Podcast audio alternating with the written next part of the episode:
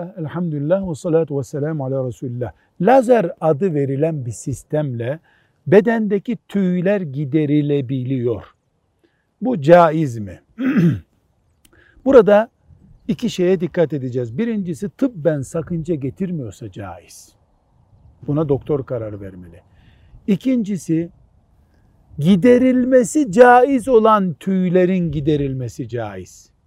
Mesela bayanın yüzünde e, tüylenme olsa giderilmesi caiz olduğu için gider ama erkeğin sakalının lazerle giderilmesi caiz değil. Üçüncü bir konu daha var. Müslüman bir insan erkek olsun, kadın olsun derin avret bölgesini yabancıya ancak tıbbi bir gerekçeyle açabilir.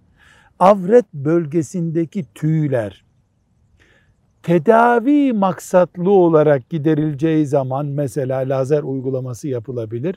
Sadece daha rahat oluyor, daha kolay oluyor, daha kalıcı oluyor diye avret bölgesindeki tüy temizliği lazerle veya herhangi bir şeyle başkasına yaptırılamaz. Velev kadın kadın olsun, erkek erkek olsun bu sonuç değişmiyor. Velhamdülillahi Rabbil Alemin.